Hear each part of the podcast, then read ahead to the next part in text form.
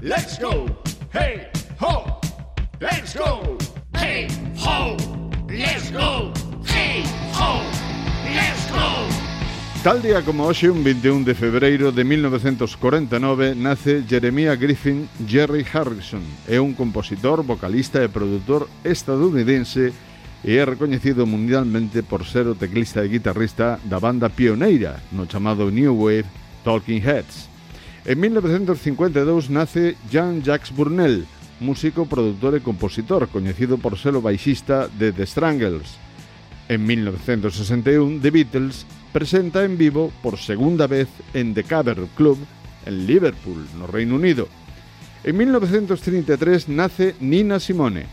É unha en Carolina do Norte, Estados Unidos. É unha cantante, pianista, compositora e defensora dos eh, dereitos civis. Tras o asesinato en 1969 de Martin Luther King, pois ela abandona Estados Unidos e instálase en Europa.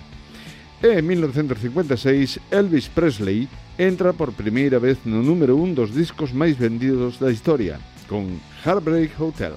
Well, since my baby left me, well, I found a new place to dwell. Well, it's down at the end of Street, that heartbreak hotel. I'll be just so lonely, baby. Well, I'm so lonely. I'll be so lonely, I could die.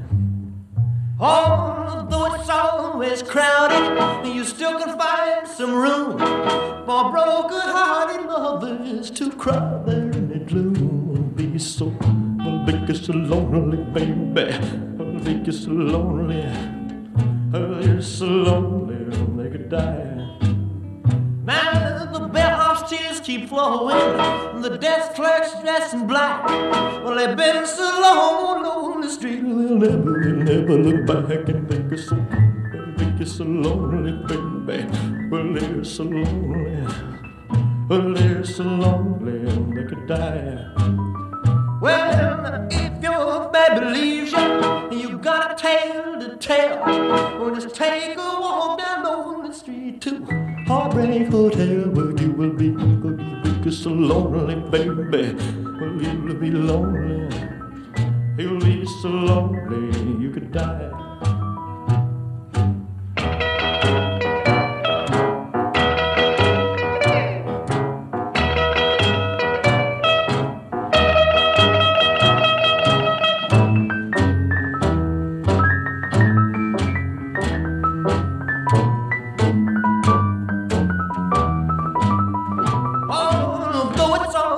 Crowded, you still can find some room for broken-hearted lovers to cry.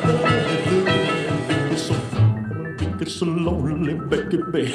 Well, they're so lonely. They'll be so lonely they could die.